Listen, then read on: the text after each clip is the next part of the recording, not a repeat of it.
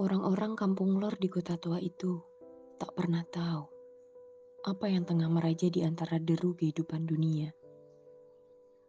Mereka bangun pagi dan bekerja seadanya. Sembayang dan selamatan sederhana ketika kehidupan menghadirkan kelahiran, ketika batas waktu menghadirkan kematian. Ada tawa dan tangis saat panen di sawah, ada tawa dan tangis saat panen di laut, ada tawa dan tangis saat hidup carut marut.